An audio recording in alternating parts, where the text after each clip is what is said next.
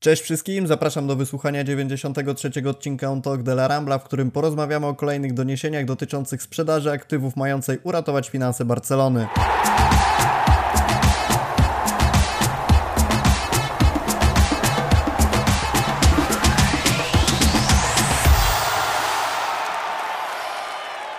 Jeżeli w zapowiedzi pojawiają się takie słowa jak aktywa, jak finanse i to wszystko w połączeniu z Barceloną, to drugim rozmówcą nie może być nikt inny jak Błażej Gwozdowski. Siemanko Błażej. Cześć. Jeżeli nie słuchaliście jeszcze naszych poprzednich podcastów, to w odcinku 91 omówiliśmy z Błażejem, w zasadzie Błażej bardzo dokładnie omówił sytuację finansową. Dzisiaj będziemy ją kontynuować, nawiążemy sobie trochę do nowych doniesień, do rzeczy, które pojawiły się od czasu nagrania tamtego odcinka. E, a jeżeli interesuje Was, jakie mamy stanowisko razem z Karolem Chowańskim i z Piotrkiem Baleją odnośnie do wygranej Argentyny nad Włochami, to zapraszamy do wysłuchania 92 odcinka. Również było kilka ciekawych tematów, również Julia Cicha wyjaśniła się e, jednym tweetem, dlaczego jest tak bardzo antypatriotyczna, więc jeżeli Was ciekawi taki clickbaitik, to zachęcamy bardzo serdecznie. E, ten odcinek jest o tyle nietypowy, że w zasadzie umówił go Błażej. Błażej sam sobie napisał plan tego podcastu, także moja rola będzie tu mocno w tle, ale mam nadzieję, że też uda mi się włączyć czasami do rozmowy. Zacznijmy sobie od tego, Błażej, co podałeś jako pierwsze w tych kwestiach, które chciałbyś doprecyzować, wyjaśnić też w odpowiedzi na różne doniesienia płynące z Twittera, że część tematów warto pogłębić. E, w co tak naprawdę inwestuje CVC? Pierwsze, dlaczego w ogóle mi się zrodziło, że warto o tym porozmawiać, to takie informacje, które przeciekają do mediów, a są w niewłaściwy sposób, mam takie wrażenie, przynajmniej interpretowane, dlatego że ja rozumiem, że taki odbiorca, który nie spotykał się wcześniej z podobnymi inwestycjami, może odbierać całość jako dość mętną, dlatego że z jednej strony mówi się, że CVC inwestuje 2 miliardy, zainwestowało w zasadzie 2 miliardy w La Liga, a z drugiej strony kluby mają uzyskać pieniądze w postaci pożyczki, więc dlaczego pożyczka, skoro CVC zainwestowało te pieniądze? I i to jest pierwsza rzecz, którą mam wrażenie trudno jest zrozumieć e, przeciętnemu odbiorcy, który jakby wcześniej się nigdy z tym nie spotkał. A druga sprawa to jest kwestia samego CVC, czym w ogóle jest CVC, bo większość pewnie słyszała, że to jest fundusz inwestycyjny, ale dlaczego ta krytyka, która, z którą się spotkała cała ta umowa zwana e, La Liga Impulso, ze strony na przykład Florentino Pereza, dlaczego była tak potężna krytyka, więc myślę, że przez to warto tutaj sobie dość swobodnie przejść. Natomiast sama odpowiedź na to pierwsze pytanie bardzo krótka. CVC inwestuje, mówi się, że kupuje prawa audiowizualne, tylko to nie jest spójna, e, spójna odpowiedź, dlatego że CVC przede wszystkim inwestuje w rozgrywki ligowe hiszpańskie, futbolowe i to nawet nie tylko w te na najwyższym szczeblu, czyli w La Liga, ale generalnie w rozgrywki ligowe. Inwestuje po to, żeby otrzymać odpowiednią stopę zwrotu oczywiście, czyli celem CVC będzie zwiększenie wartości rozgrywek do takiego poziomu, który będzie zadowalający dla inwestorów. I to jest przede wszystkim odpowiedź na to pytanie, czyli to nie jest po prostu zakup praw audiowizualnych czy, pra, praw do transmisji, to jest inwestycja całe rozgrywki po to, żeby uzyskać oczywiście zadowalający zwrot. Tak bym to określił i później myślę przejdziemy do, do większej liczby szczegółów. Kolejnymi kwestiami, które, których chcieliśmy dotknąć jest dlaczego Real i Barcelona były przeciwne umowie z CBC, a też dlaczego to, co powiedziałeś, dlaczego mówi się o pożyczce, skoro CVC inwestuje i twoim zdaniem od czego lepiej zacząć, żeby lepiej zrozumieć drugą kwestię? No z tą pożyczką chyba myślę, że najlepiej, dlatego że żeby pojąć w ogóle dlaczego jest to pożyczka, to trzeba by rozumieć system podatkowy w Hiszpanii. Nawet ja, powiem szczerze, gubię się w tym strasznie. E, sam polski jako przedsiębiorcę mnie czasami przerasta, może nie tyle podatkowy, co interpretacje podatkowe, bo to potrafi być dość karkołomne.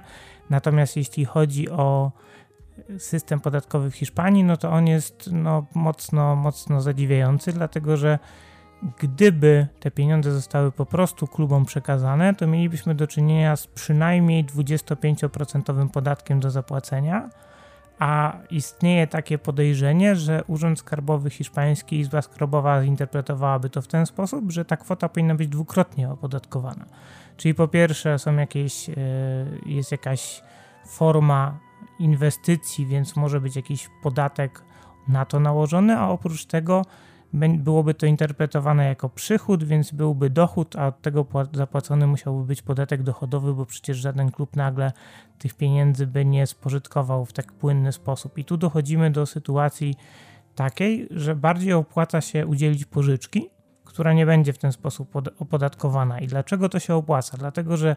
jeżeli my mamy zwrócić te pieniądze, my, Barcelona ma zwrócić te pieniądze i każdy inny klub na przestrzeni 40-50 lat, to dość łatwo chyba możesz sobie, Rafał, wyobrazić, że gdybyś teraz e, pożyczył 1000 zł od swoich rodziców i powiedziałbyś im, że za 50 lat im oddasz te 1000 zł, już pomijam fakt, że mógłbyś w,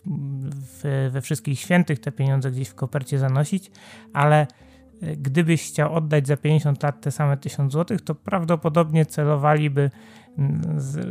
żeby je spieniężyć gdzieś raczej w sklepie typu żabka, a nie w sklepie na przykład ze sprzętem RTV, dlatego że inflacja by zżarła większość tych pieniędzy. Więc po pierwsze, jeżeli byśmy to rozpatrywali w tych kategoriach, to ta spłata na przestrzeni 50 lat spowoduje, że realnie wszystkie kluby zwrócą jakąś między 1 trzecią, a, a może 40% rzeczywiście kwoty, którą pozyskały. To jest pierwszy, pierwsza korzyść. A druga korzyść polega na tym,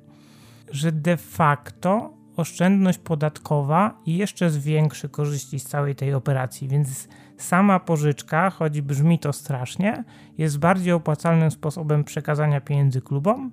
niż podarowanie im tych pieniędzy. Więc to jest pierwsza rzecz. A druga rzecz to by trzeba było czytać wypowiedzi, które się pojawiły bezpośrednio po pierwszych jakichś tam informacjach dotyczących CVC, bo na przykład bardzo ciekawie wypowiedział się prezes Atletico Madryt, wypowiedział dwie takie bardzo mądre rzeczy. Po pierwsze, między wierszami zasugerował, że tak naprawdę to nie jest żadna pożyczka, że te pieniądze wrócą do klubu w różny inny sposób, taki, który by już fiskusa szczególnie nie zainteresował, więc tak naprawdę nawet jeszcze dodatkowo będą kolejne korzyści z tego tytułu. I dodatkowo, bardzo moim zdaniem rozsądnie, powiedział, że Generalnie ta część praw audiowizualnych, która została zakupiona, odpowiada za około 3% przychodów klubu. I jeżeli on jako prezes tych kilkuset milionów nie potrafiłby zamienić w wzrost przychodów właśnie o tą kwotę 3%, czyli zniwelowanie tej straty, no to mm, podałby się do dymisji. Tak? To mniej więcej był taki wydźwięk. Więc biorąc to wszystko pod uwagę,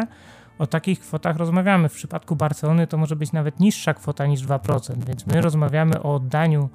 funduszowi CVC około 2% przychodów Barcelony. To jest y, taka kwota, oczywiście na bardzo długi czas, więc to musi niepokoić, ale to jest kwota rzędu 2-3%, więc umówmy się, to nie jest nadszarpnięcie budżetu jakieś szczególne na 50 lat, a cały czas zakładamy, że dzięki tej inwestycji przychody całej tej spółki La Liga Impulso będą na tyle duże, że ta kwota zostanie już bezpośrednio przez, przez tą spółkę zrekompensowana, a zainwestowane pieniądze jeszcze dodatkowo by do klubu wróciły w różnej innej postaci, tak? Zastanawia mnie, bo o ile sama kwestia odróżnienia inwestycji od pożyczki, rozumiem jak jakby nadal dzieje się to w warunkach e, legalności i, i nie są to żadne machlojki finansowe, tylko nazwijmy to może tak cudzysłowie kreatywną księgowością, ale cały czas gdzieś obracamy się w sferze legalnych działań. Natomiast powiedziałeś, że Barcelona oddałaby około 2% swojego, swojego budżetu przez ten okres tych 50 lat i powiedziałeś, że to wydaje się, że to jest niewiele. No i w takim razie dlaczego możemy mówić o tym, że Real i Barcelona są tak, na, tak naprawdę przeciwne tej umowie, skoro de facto oddają rzekomo niewielki odsetek tego budżetu? Wydaje mi się, że w przypadku Barcelony troszkę Tebas e, postawił dodatkowe warunki, to znaczy e, zapomnijcie o Superlidze, o tak bym to ujął. Zwłaszcza teraz wyciekają takie informacje, że jest to jeden z warunków. I dla Realu, i dla Barcelony on jest ciężki do zaakceptowania. Dodatkowo w przypadku Realu Madryt y, konieczność zainwestowania w infrastrukturę 70%, kiedy oni już mają stadion skończony i w zasadzie nie mają żadnych potrzeb w tym zakresie, no byłoby mm, dość śmiesznym rozwiązaniem, żeby się na coś takiego godzić. No ale oczywiście są też powody obiektywnie słuszne do krytyki całej tej operacji z perspektywy w zasadzie wszystkich klubów i, i, to nie podlega dyskusji, dlatego że fundusze takie jak CVC, czyli może już nie venture capital, bo venture capital inwestuje w jakiejś tam fazie wstępnej przedsiębiorstwa pieniądze takie, w takie ryzykowne przedsiębiorstwo, po to, żeby zyskać y, no, bardzo wysokie zyski z tej inwestycji, zwrot z tej inwestycji. Natomiast to jest takie bardziej private equity, czyli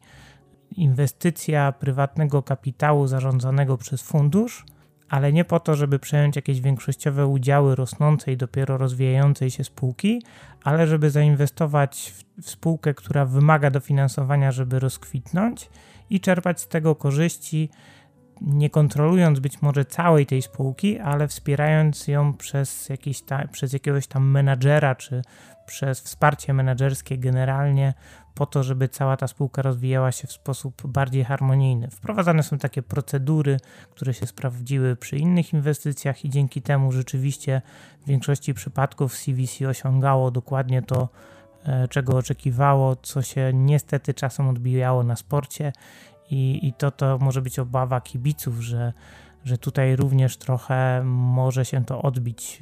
Akurat być może nie w takiej skali, jak to się odbyło w przypadku inwestycji CVC w Formułę 1, ale no jakieś tutaj problemy mogą się na pewno pojawić. To zanim Formuła 1, to jedno pytanie o tę Superligę, bo też e, dzisiaj czy, czy wczoraj wypłynęła taka informacja, rzeczywiście powrócił temat Superligi i tego, że Tebas miałby się niejako zgodzić na te, na te umowy Barcelony z CVC, no ale że rzeczywiście warunkiem byłoby to, że pomysł Superligi chowamy do kieszeni i e, Barcelona odpuszcza sobie całkowicie ten pomysł. I teraz y, zastanawiam się, na ile w tym wszystkim możemy wytknąć lidze, patrząc na ogół, ale mając na uwadze przede wszystkim Tebasa i tego Oscara Majo, czyli dyrektora generalnego La Ligi. E, odnośnie do kwestii, że CVC jest, nie podlega negocjacjom, to też podkre podkreślił Mark Syria 1 czerwca w swojej wypowiedzi, że Barcelona nie może negocjować umowy z CVC, że nie jest możliwe zindywidualizowanie folderu inwestycyjnego. Tylko z drugiej strony, ja wiem, że Tebas nie próbuje negocjować samej umowy z CVC, tylko tego, jakby co się dookoła nie dzieje. No ale patrząc na to całościowo, Tebas w jakiś sposób zmusza Barcelonę do tego, żeby mimo wszystko podpisała tę umowę, mając na uwadze inne warunki, czyli odpuszczając sobie Superligę, no bo bądźmy poważni, ale inne kluby nie miały takiego ograniczenia i zastanawiam się, czy tu nie wypływa trochę hipokryzja mimo wszystko tych wszystkich stron, które biorą udział w dyskusji. Nie wiem, czy hipokryzja, ale te naciski Tebasa, to, to te fikołki, które wykonywała La Liga, żeby tą Barcelonę jakoś do podpisania umowy z CVC przekonać, to są wręcz zabawne, bo tak sobie czytałem ostatnio dokładnie i starałem się to rozważać, ten bełkot prawny regulacji La Ligi, to nie jest wcale łatwe. I porównałem sobie ten sam dokument z roku 2018 i z 28 czy tam 7 kwietnia 2021, czyli można powiedzieć, że sprzed miesiąca. I wcześniej punkt dotyczący przedłużeń kontraktów był bardzo prosty, że piłkarz, którego kontrakt obowiązuje, może go przedłużyć, o ile nie będzie on przedłużony o kwotę wyższą niż do tej pory, nawet w przypadku, gdy klub przekracza limit wynagrodzeń. No i tak sobie zajrzałem do tego samego punktu właśnie w nowej wersji i tam już jest, no powiedzmy sobie, dodanych kilka innych podpunktów z których, żeby to uprościć maksymalnie i dla naszych słuchaczy, żeby to było najbardziej przejrzyste, wynika, że nie jest istotne to, czy zawodnik by zmniejszył wynagrodzenie, czy by go nie zwiększył. Barcelona, w tym wypadku Barcelona, nie może z nim podpisać przedłużenia kontraktu do momentu, w którym przekracza limit wynagrodzeń, chyba że będzie się to wpisywać w zasadę 1 czwartej, czyli załóżmy w przypadku na przykład Sergiego Roberto musiałby podpisać kontrakt na warunkach, w których zarabiałby jedną czwartą swoich obecnych zarobków. Tak należałoby to moim zdaniem interpretować, więc to, co pozwoliło niejako dzięki przedłużeniu kontraktu przez Umtitiego zyskać e, troszkę w limicie wynagrodzeń, na, można powiedzieć, w tej majowej nowelizacji tych regulacji okazało się, że już to nie będzie możliwe. Więc Tebas wraz z Ligą starają się obserwują trochę tak, jak się to odbywa zresztą e, w Polsce, kiedy jest ogłaszane nowe prawo podatkowe, nowa ustawa podatkowa, to można powiedzieć, że pierwsze pół roku jest po to, żeby sobie ministerstwo patrzyło, jak przedsiębiorcy spróbują to prawo ominąć, a potem w lipcu przychodzi jakaś nowelizacja po to, żeby tam, gdzie ta woda się zaczęła lać, to żeby załatać te wszystkie dziurki. To troszkę podobnie wygląda. Czyli były jakieś przepisy, bardzo ona je w dość sprawny sposób starała się ominąć, a później były kolejne wersje regulacji, które miały za zadanie jakby uniemożliwić Barcelonie jakiekolwiek działanie w ramach tych ograniczeń, które występują. Więc tutaj takie pchanie w kierunku CVC przez te basa odbywa się już od dłuższego czasu, a ta ostatnia wersja, która się pojawiła właśnie nieprzypadkowo moim zdaniem w momencie, w którym Barcelona musiała złożyć nowy budżet. Barcelona nowy budżet musiała złożyć w kwietniu i 28 kwietnia pojawiła się nowa wersja tych regulacji, czyli już po złożeniu budżetu przez Barcelonę, gdzie wiele, można powiedzieć, yy, ścieżek zostało już zamkniętych, bo teraz Barcelona może oczywiście ten budżet zaktualizować, ale to będzie podlegało kolejnym procedurom weryfikacyjnym, więc znów traci Barcelona czas a z drugiej strony pokazują podpiszcie CVC, zyskacie przede wszystkim te 20 na początku, a może nawet od razu 40 milionów na nowych zawodników, to jest całkiem dużo. Można już coś w tym sezonie jeszcze, e, że tak powiem, ogarnąć. A z drugiej strony teraz pojawiają się informacje, że być może jeszcze Wam troszkę zmienimy zasady tego finansowego fair play w taki sposób, żeby na przykład można było przedłużać kontrakty, albo żeby e, jakieś były warunki podyktowane, nie wiem, na przykład faktycznie stratami wywołanymi zamkniętymi stadionami, które pozwoliłyby troszkę zmienić, rzeczywiście zmienić interpretację tych strat, które do tej pory zostały poniesione. Zwłaszcza, nie wiem czy pamiętasz, jak rozmawialiśmy ostatnio, pewnie nie pamiętasz, ja mówiłem o tym, że zmiana wartości zawodników zgodnie z osobnym dokumentem, takim ogólnym dotyczącym Lali, nie powinna się wliczać do kosztów relevantnych. Czyli ta zmiana wartości netto, pianicia czy Coutinho nie powinna wpływać na to, że Barcelona będzie miała wyższe koszty relevantne zgodnie z procedurami La Ligi. Okazuje się, że jednak w tych nowelizacjach wprowadzono takie zmiany, że rzeczywiście były to koszty. Czyli dodatkowo ja podejrzewam, że to jest oczywiście moja interpretacja, że Laporta decydując się na taki krok był przekonany, że nie będzie miało to żadnego wpływu na limit wynagrodzeń, a potem nagle się okazało, że po zmianach wprowadzonych przez La Ligę już miało. I potem odbiło się to w grudniowej aktualizacji, bo, bo to też jest dość ciekawe. Więc tych takich kroków, które miałyby zmusić Barcelonę do podpisania umowy z CVC, czyli do wejścia do La Liga Impulso, to było całkiem sporo. O tym, czy Barcelonie się to finalnie opłaca, czy nie, i patrząc też przez pryzmat tego, co powiedział wiceprezydent Barcelony do spraw ekonomicznych, czyli Eduard Romeu, jeszcze sobie powiemy, ale yy, podsumowując, ja się zastanawiam w tym wszystkim, na jakim etapie jest Superliga, że Tebas dopuszcza się takich rzeczy, no bo jeżeli rzeczywiście temat był umarł, tak jak często sobie sądzimy, gdzieś tam śledząc media i, i obserwując co się dzieje, no sprawa jakby w mediach ewidentnie przycichła, nie, nie mówi się o tym za dużo, raczej wymienia się to w kontekście tej umowy CVC, a niekoniecznie z uwagi na jakieś rzeczywiste działania, o tyle no same działania Tebasa ewidentnie pokazują, że i się boi tej, tej Superligi i, i robi co tylko może, żeby, no właśnie, zapobiec na przyszłość, czy może zdusić coś, co zaczyna nam wyrastać, a jeszcze o tym nie wiemy. E, powiedziałeś o MotoGP i to mnie szczerze mówiąc bardzo zaskoczyło, jak podesłałeś mi ten punkt do omówienia, bo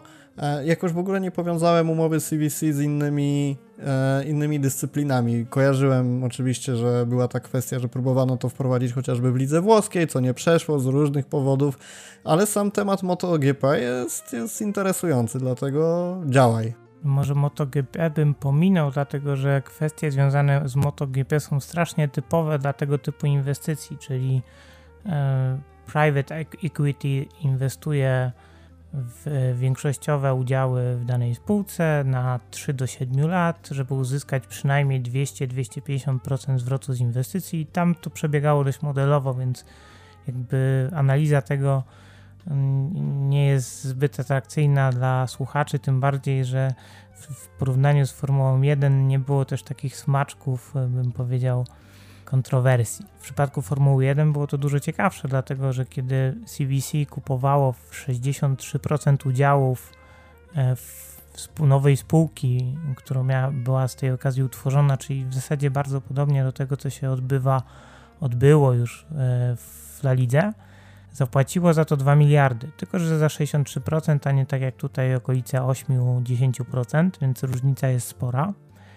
i inwestycje planowało na 3 do 7 lat. Natomiast ostatecznie wyszło z Formuły 1 stopniowo, sprzedając dla Liberty Media Formułę 1 na przełomie lat 2016-2017, czyli po 10-11 latach, bo 2006 był zakup.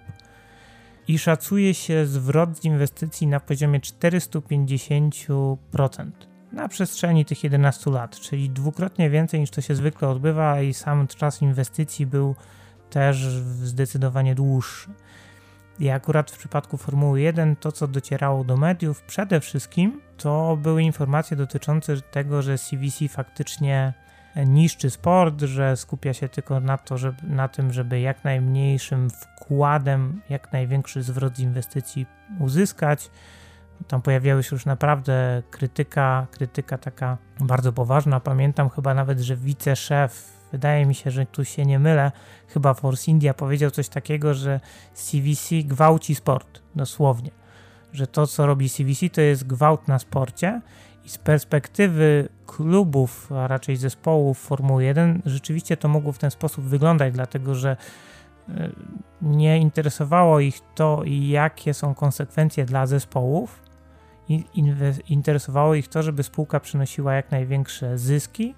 i żeby wartość spółki rosła jak najszybciej, bo kiedy ją kupowali za troszkę ponad 2 miliardy dolarów, bo to chodzi o dolary, nie wiem czy mówiłem o euro, tam, tam mówimy o dolarach,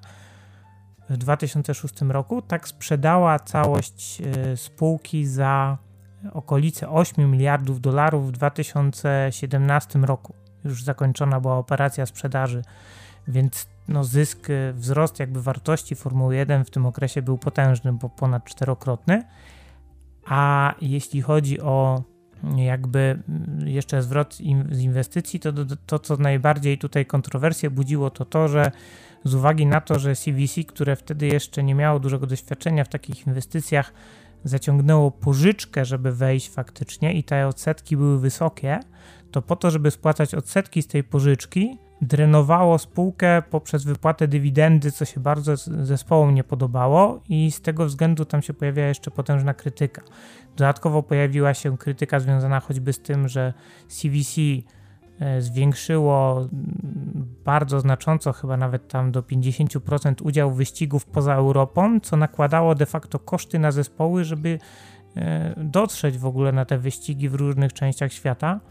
co się zespołom faktycznie nie podobało i dodatkowo sprzedawało na przykład prawa e, do transmisji za dużo wyższe kwoty, co spowodowało, że na przykład w Polsce Formuła 1 zniknęła z ogólnodostępnej telewizji, bo z tego co pamiętam chyba była w Polsacie puszczana, no i potem całkowicie zniknęła z tej telewizji, była tylko w telewizjach płatnych.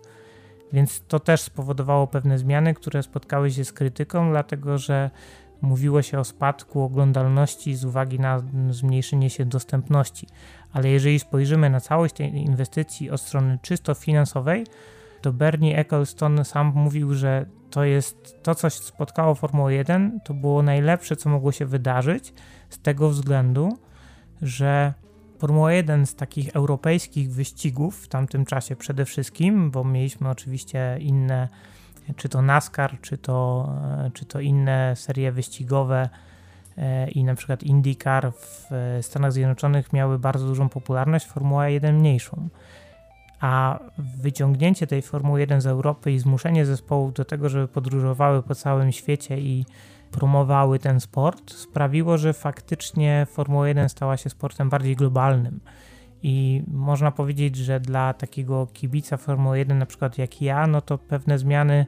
negatywne nastąpiły, a potem e, Liberty Media nadal kontynuowało tą ścieżkę, więc można by powiedzieć, że pod pewnymi względami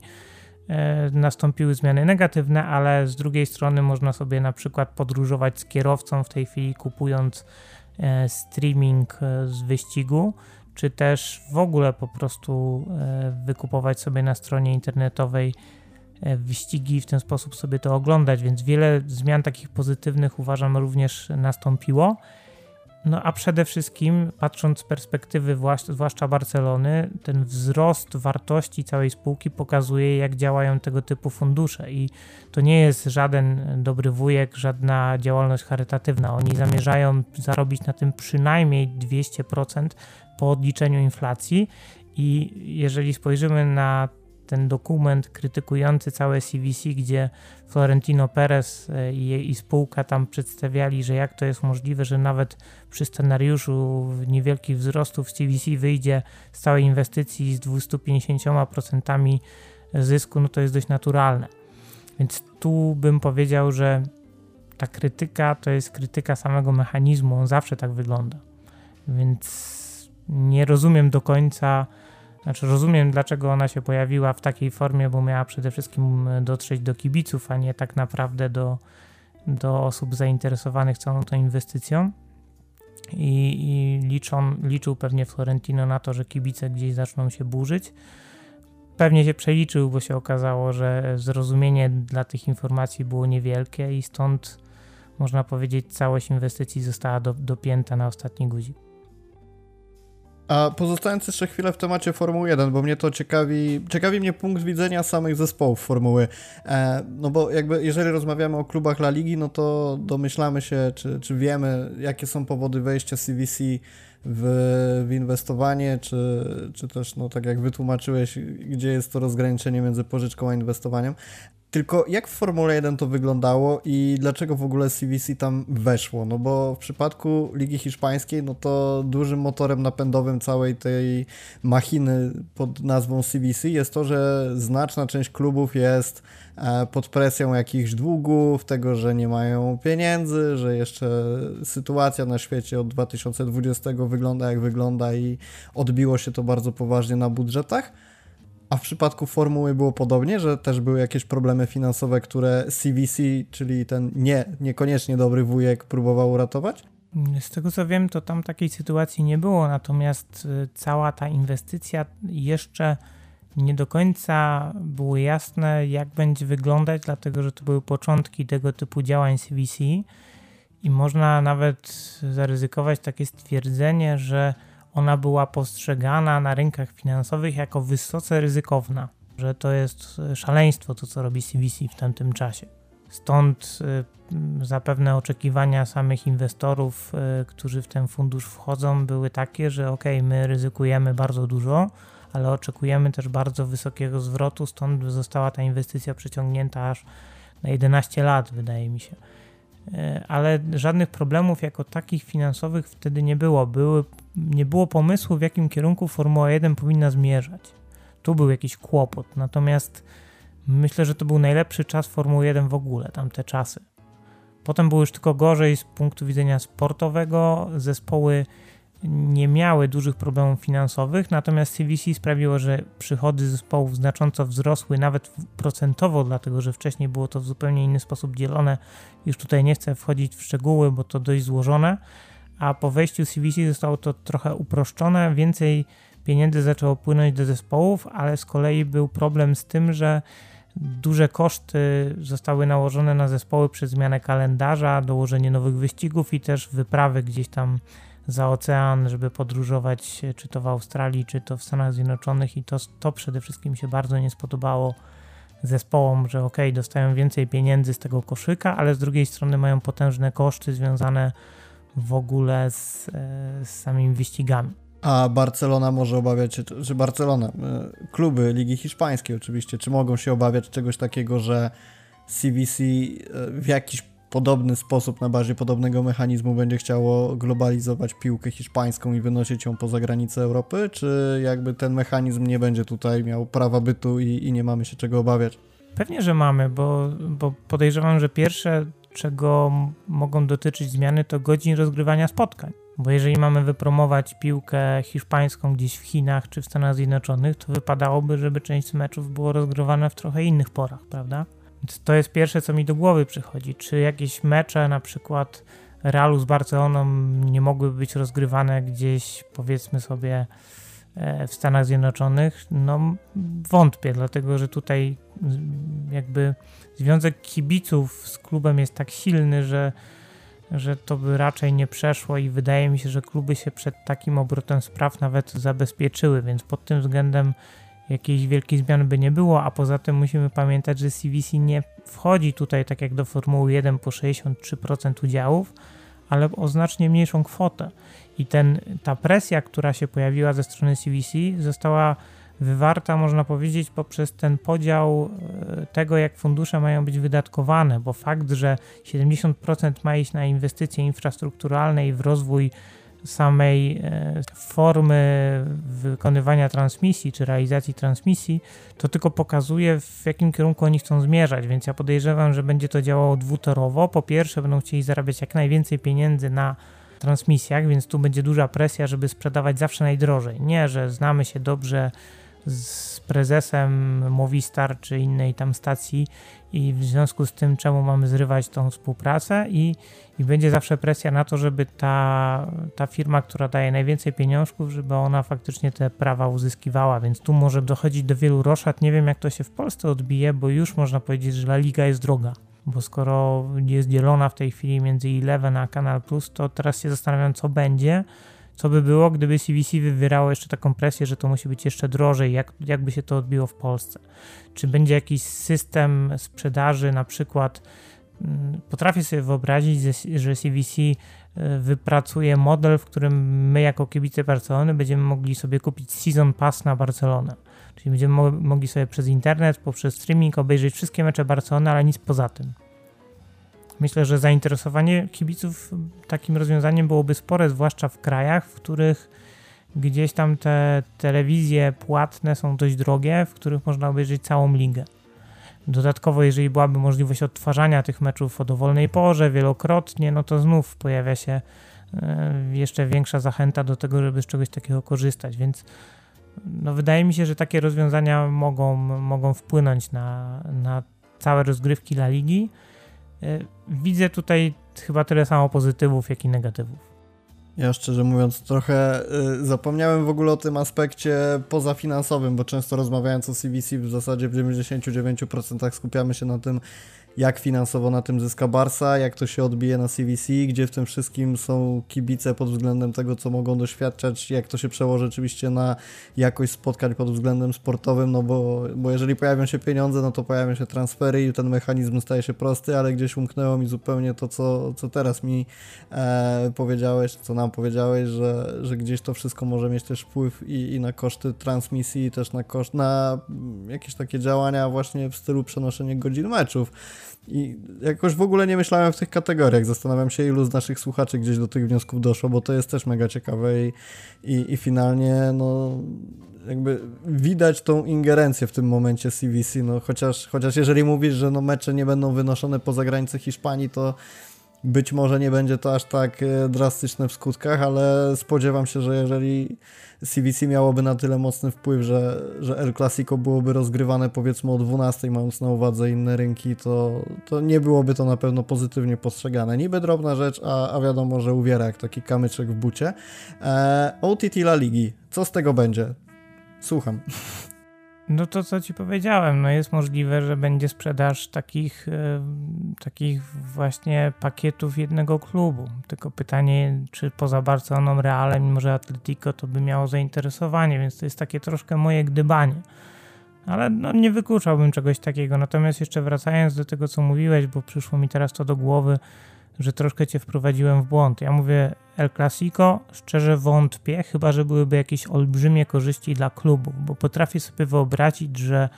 Barcelona i Real w sytuacji, w której dostają ofertę, rozegramy w Miami El Clasico i zarobimy na tym po 10 milionów euro, no to się nad tym zastanówmy. Możemy jakoś naszym socios to zrekompensować w postaci zwrotu kosztów biletów plus jakieś 50%, tym karnetowiczom, a, a, a my sobie zarobimy po 10 milionów, no tutaj w Hiszpanii możemy mieć z tym problem, żeby takie kwoty wyciągnąć. Więc no, nie jest to wykluczone. Dużo bardziej prawdopodobne byłoby, że jakiś mecz mniej istotny zostanie rozegrany poza granicami kraju, co byłoby szczególnie interesujące dla tych małych drużyn, bo jestem w stanie sobie wyobrazić, że jakiś, jakiś zespół pokroju, powiedzmy Rayo Vallecano będzie chciał rozegrać mecz w Chinach po to, żeby zarobić na jednym meczu na przykład 2-3 miliony euro. To byłoby możliwe, podejrzewam, gdyby taki mecz został tam rozegrany. Oczywiście wtedy Real czy Barcelona grające z tym zespołem, bo jakoś trzeba tych kibiców przyciągnąć, za, za, zarobiłyby e, 3 czy 4 razy więcej za ten sam mecz, przynajmniej. Natomiast no, potrafię sobie wyobrazić, że jakieś takie pojedyncze mecze, zwłaszcza ze słabymi drużynami, mogłyby być wyniesione poza Europę. Wydaje mi się, że to mogłoby być możliwe, ale w odróżnieniu od Formuły 1 miałoby to cel tylko i wyłącznie promocyjny dla samych rozgrywek, a nie jakiś trend, który by się później rozwijał. Dlatego byłyby to na pewno pojedyncze mecze. Wątpię, żeby więcej niż jedna, jeden mecz jakiejś jednej drużyny był w ten sposób rozegrany. Więc powiedzmy jeden mecz Barcelony z jakimś zespołem, jeden mecz Realu z jakimś zespołem, jeden mecz Atletico z jakimś zespołem. Coś takiego dopuszczam, że mogłoby się faktycznie wydarzyć. A wracając do streamingu takiego typowego meczów piłkarskich, to wydaje mi się, że bardzo prawdopodobny jest taki podział sprzedażowy, który mógłby wpłynąć na to, że La Liga by dużo więcej na tym zarabiała. To znaczy, owszem, byłaby sprzedaż do telewizji praw, tylko one byłyby odrobinę tańsze niż są teraz, albo po prostu nie rosłaby cena, natomiast oprócz tego byłyby sprzedawane pojedyncze mecze, czy takie sezonowe e, pakiety różnych zespołów, bądź też nawet całościowe, które by były oczywiście odpowiednio droższe niż w danym kraju, albo mm, droższe przynajmniej te pełne, a, a te klubowe byłyby powiedzmy odrobinę tylko tańsze od tego, co oferują poszczególne telewizje w danym kraju. Ale mimo wszystko część osób, które unikają telewizji, to jest trend, który się pojawia. Myślę, że jakbyśmy teraz przeprowadzili sobie na przykład na Rambli ankietę, jaka, jaki procent naszych użytkowników rzeczywiście posiada jakąś kablówkę, to by się okazało, że jest to bardzo niewielki procent, no to, no to później jak masz wybór, czy kupować na przykład jakiś drogi pakiet polskiej telewizji przez internet, e, czy kupić bezpośrednio dla ligi odrobinę taniej, no to no myślę, że odpowiedź byłaby dość prosta, nie? Nie no, wiesz, ja teraz jestem nawet na świeżo po sytuacji, w której chciałem sobie obejrzeć jakiś film, który był dostępny chyba na HBO, jeżeli dobrze kojarzę. I nie było opcji wykupienia pojedynczego filmu. Trzeba było oczywiście jakiś tam abonament na taki i taki okres, taka i taka subskrypcja, takie i takie koszty. No i jakby zniechęciło mnie to bardzo. I powiem Ci, że patrząc nawet z punktu widzenia tego na to, jak wygląda oglądanie meczów, nie miałbym nic przeciwko, żeby sobie nawet jakieś tam 10-15 zł, nie wiem jaka to byłaby kwota, ale, ale gdyby była taka możliwość za wykupienie dostępu do jednego spotkania, jakby mojego punktu widzenia nie ma najmniejszego problemu. I to jest tak naprawdę super wygodne, no bo E, po pierwsze, to co mówisz, że te koszty są wysokie, to jest jedno, a po drugie, nie oszukujmy się, ale większości z nas pakiet do wszystkich meczów La Ligi nie jest zupełnie potrzebny, no bo my się skupiamy na Barcelonie, obejrzymy pewnie mecze jakiegoś Realu, Atletico, Sevilli, ale tak naprawdę dostajemy jakieś Rayo Hetafe, którego nie oglądamy i być może stacje lepiej by na tym wyszły, sprzedając właśnie, tak jak mówisz, pojedyncze spotkania czy abonament na drużyny, niż zniechęcać ludzi wysokimi kwotami do tego, żeby kupowali, a wręcz nie kupowali wszystkiego. No, jakby dla mnie z punktu widzenia użytkownika że tak powiem, w cudzysłowie internetu byłoby to mega wygodne i jestem jak najbardziej za, o ile poszłaby za tym wiadomo, jakość, no bo tutaj nasi słuchacze mogą od razu podbić temat Viaplay, które póki co zmaga się z olbrzymimi problemami, jeżeli chodzi o jakość tego streamingu, e, zacinające się serwery i tak dalej, no to wszystko wiemy, jakby nie chcemy robić antyreklamy, ale naturalne jest to, że projekt gdzieś tam w pierwszych krokach trochę nie działa tak, jak powinien i, i, mimo, że jestem bardzo ciekawy rozwoju tego, jak to będzie wyglądać dalej, no to, to te pierwsze kroczki są na razie jakie są, ale patrzę bardzo optymistycznie na ten segment i, i mam nadzieję, że, że gdzieś to się skończy tak, że rzeczywiście ten model subskrypcyjny będzie rozdrobniony nawet co do pojedynczych meczów. Podsumowując sobie kwestię CBC, e, powiedziałeś, że widzisz tyle plusów, ile minusów, a ja zadam jeszcze inne pytanie. Czy Barcelona w ogóle ma prawo rozważać te plusy i minusy? Czy to nie jest tak, że muszą papier podpisać, bo inaczej nie wygrzebią się z długów? Bo pojawiają się takie informacje, też one wypłynęły pewnie wcześniej, ja je zobaczyłem po nagraniu naszego poprzedniego odcinka, że poza sprzedażą praw audiowizualnych CVC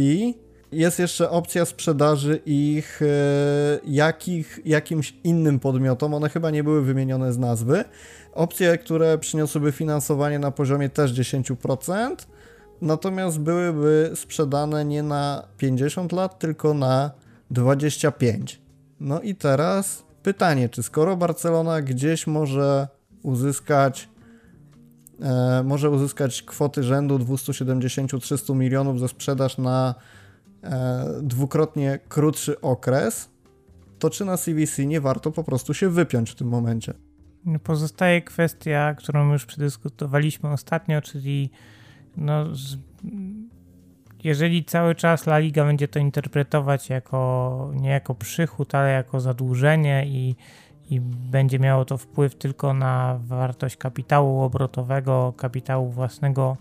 a nie będzie miało wpływu na, na rzeczywiście na limit wynagrodzeń, no to to jest działanie, które nie zastąpi e, innych dźwigni finansowych, więc tu też jest kłopot. To, wydaje mi się, że to, to, już naprawdę z dużym prawdopodobieństwem możemy powiedzieć, że kwestia CVC to jest kwestia albo Barcelona zyskuje przychylność La Ligi i, i Tebasa do swoich działań i bardzo płynnie może przejść do budowania projektu sportowego i oddłużania się,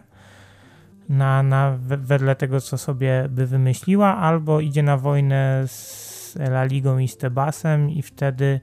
musi szukać rozwiązań, których Tebas nie będzie mógł zablokować w żaden sposób, więc jest to bardzo, bardzo złożone wtedy i bardzo trudne, bo zwróć uwagę na to, że La Liga może sobie te regulacje zmieniać wielokrotnie do roku i nikt nie może tego zakwestionować. W normalnej sytuacji to byłoby niedopuszczalne. Jak ktoś zmienia zasady gry w trakcie okresu rozliczeniowego, przecież to jest niepoważne. A tutaj, jak widzisz, takie zmiany następują i,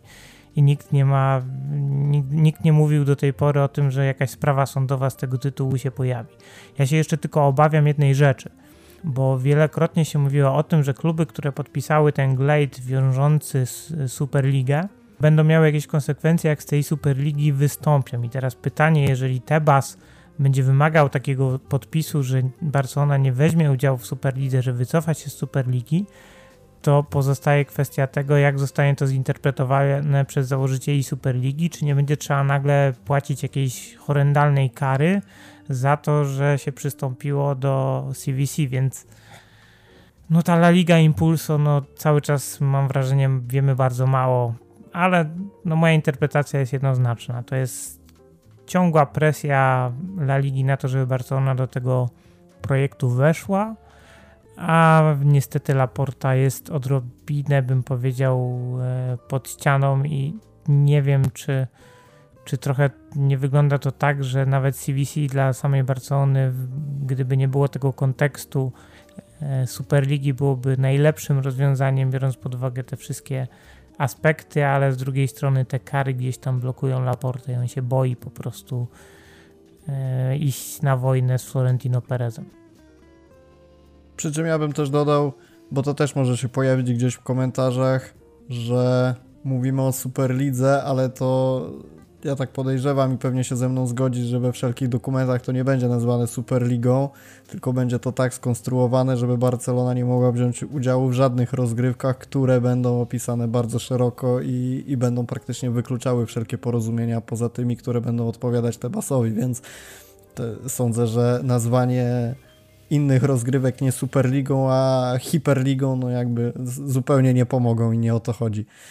E, chciałem z Tobą porozmawiać o tym, co się mówi odnośnie do pensji piłkarzy Barcelony, odchodząc trochę od tematu CVC, bo to też jest temat, który pojawił się już po nagraniu naszego poprzedniego podcastu. Znaczy on gdzieś tam się wiadomo, przewijał cały czas w mediach, ale został trochę mocniej podbity, że piłkarze mogą być zmuszeni w pewien sposób, mogą zostać poproszeni o to, żeby znowu wynagrodzenia sobie poobniżać. Tak naprawdę mówi się nawet o obniżkach rzędu 50%, oprócz zawodników, którzy niedawno podpisali kontrakty, czyli Fati, Pedri i Araujo. Myślisz, że w ogóle jest możliwość, że Laporta ponownie zwróci się do zawodników o, o obniżenie pensji, czy w ogóle jest to zabieg, który pozwoli ratować finanse Barcelony w świetle tych wszystkich nowelizacji i, i innych procedur? Nie wydaje mi się, żeby te wszystkie medialne informacje, które się pojawiły odnośnie tego, że klub może zmusić do obniżek pensji, były w pełni prawdziwe, a może inaczej. Nawet jeżeli prawo coś takiego dopuszcza, to musi chronić jeszcze. Musimy pamiętać, że jest jeszcze kwestia UEFA i tego, w jaki sposób te kontrakty muszą być zawierane, jak musi być chroniony piłkarz, bo są przecież też związki piłkarzy zawodowych i i wydaje mi się, że o ile nawet ktoś tam wygrzebał jakieś przepisy dotyczące pracowników w Hiszpanii i sobie wymyślił, że pracodawca może, znaczy nie tyle wymyślił, co zinterpretował to w ten sposób, że pracodawca może bez porozumienia z pracownikami obniżyć ich wynagrodzenia w takiej sytuacji, w jakiej się w tej chwili Barcelona znalazła, to w rzeczywistości konsekwencje prawne takiego kroku byłyby tak poważne, że dla Barcelony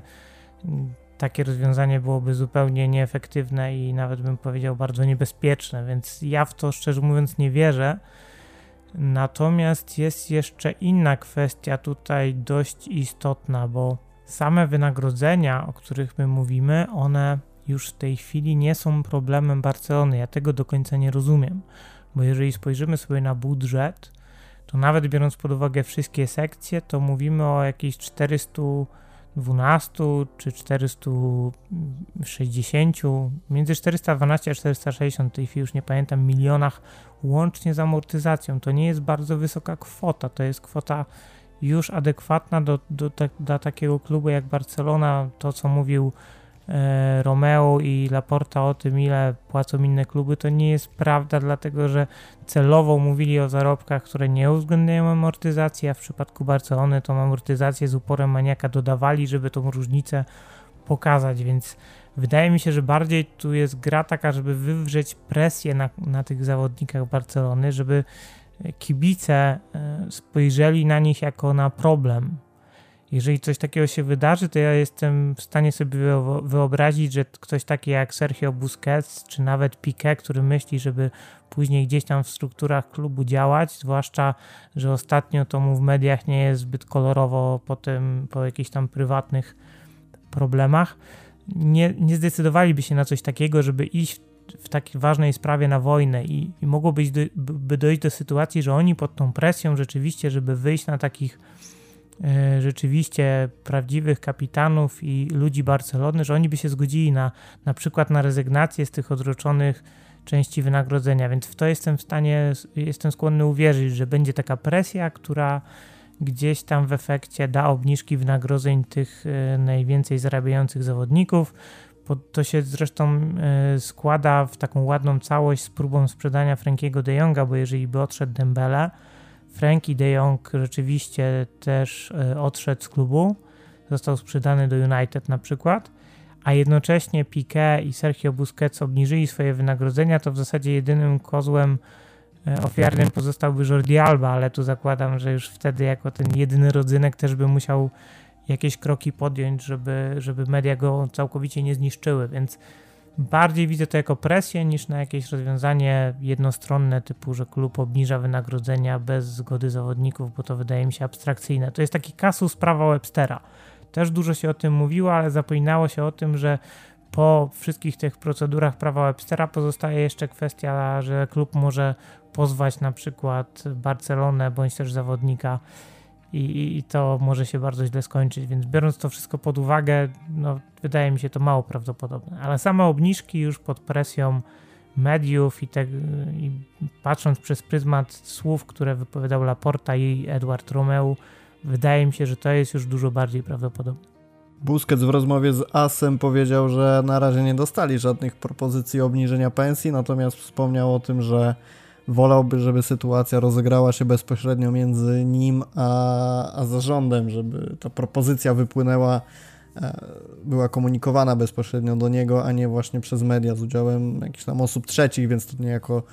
niejako może nas naprowadzać na to, że to, o czym rozmawiamy, rzeczywiście jest prawdą. I tak słowem zakończenia podcastu trochę luźniejsze pytanie, żeby nie zostawiać naszych słuchaczy z przegrzaną głową po tych wszystkich sprawach finansowych.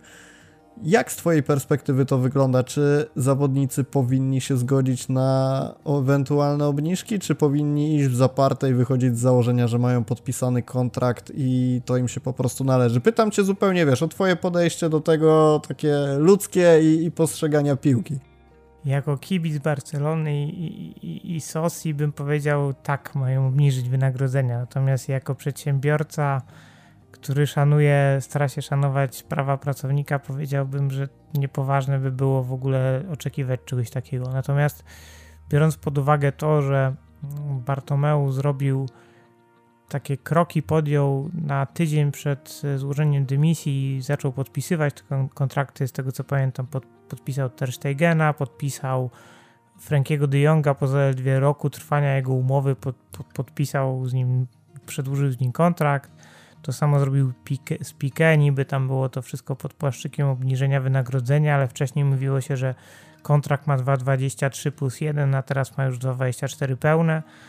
Eee, I ktoś tam jeszcze chyba podpisał kontrakt, o ile dobrze pamiętam, więc... Chyba Longlet. No chyba Longlet, no to Longlet to się nam ciągnie, nie? ten jego kontrakt do 2,26, o ile dobrze pamiętam, to jest jakaś abstrakcja. Więc jak weźmiemy to wszystko pod uwagę, no to faktycznie jako ten zarząd ma taki problem, że od, od, musi radzić sobie z decyzjami, których nie podejmował, z konsekwencjami tych decyzji, więc, więc pod tym względem staram się mieć zrozumienie dla, dla zarządu i, i tak jakbym miał jakąś wypadkową z moich tutaj e, dylematów wyciągnąć, to, to bardzo bym się ucieszył i bardzo bym docenił kapitanów drużyny, gdyby zdecydowali się na obniżkę swoich wynagrodzeń. Błażej Gwozdowski, kolejny odcinek, w którym pozamiatałeś podcast. Chciałbyś jeszcze coś dodać na koniec, czy możemy kończyć i nastawić naszych słuchaczy na kolejny odcinek o finansach za jakiś czas? No myślę, że jeszcze będzie nie jedna okazja. Ja tutaj tylko zaznaczam, bo ty tak lubisz mnie chwalić, ale mm, fachowcem od finansów takim zawodowym nie jestem, więc tutaj jakieś ryzyko, że coś źle interpretuję, oczywiście istnieje, ale nie wydaje mi się, żeby to był na tyle skomplikowany problem, żebym tutaj jakoś w ślepą liczkę zabrnął, więc ale jeżeli zabrnęliśmy, to w kolejnym odcinku się z niej wykaraskamy, odwrócimy i wyjaśnimy, dlaczego powiedzieliśmy źle, więc e, nie ma z tym najmniejszego problemu. Dzięki serdeczne za Twój udział. Ja również dziękuję. Naszych słuchaczy zapraszamy do tego, żebyście subskrybowali kanał, dali łapkę w górę. Na Spotify serdecznie zachęcamy do ocenienia podcastu na 5 gwiazdek i klasycznie, jeżeli odwiedzicie nasz Patronite, to będziemy Wam bardzo wdzięczni. Zaglądajcie na fcbarsa.com, gdzie znajdziecie, jak wiecie, bardzo dobrze masę świetnych newsów, artykułów, ramble, na której dyskusje toczą się 2-4 na dobę, także zakładajcie konta, wchodźcie w dyskusję i oczywiście dajcie znać, co sądzicie o naszym odcinku. Błażej Gwozdowski, dzięki serdeczne i do usłyszenia w kolejnym odcinku. Do usłyszenia.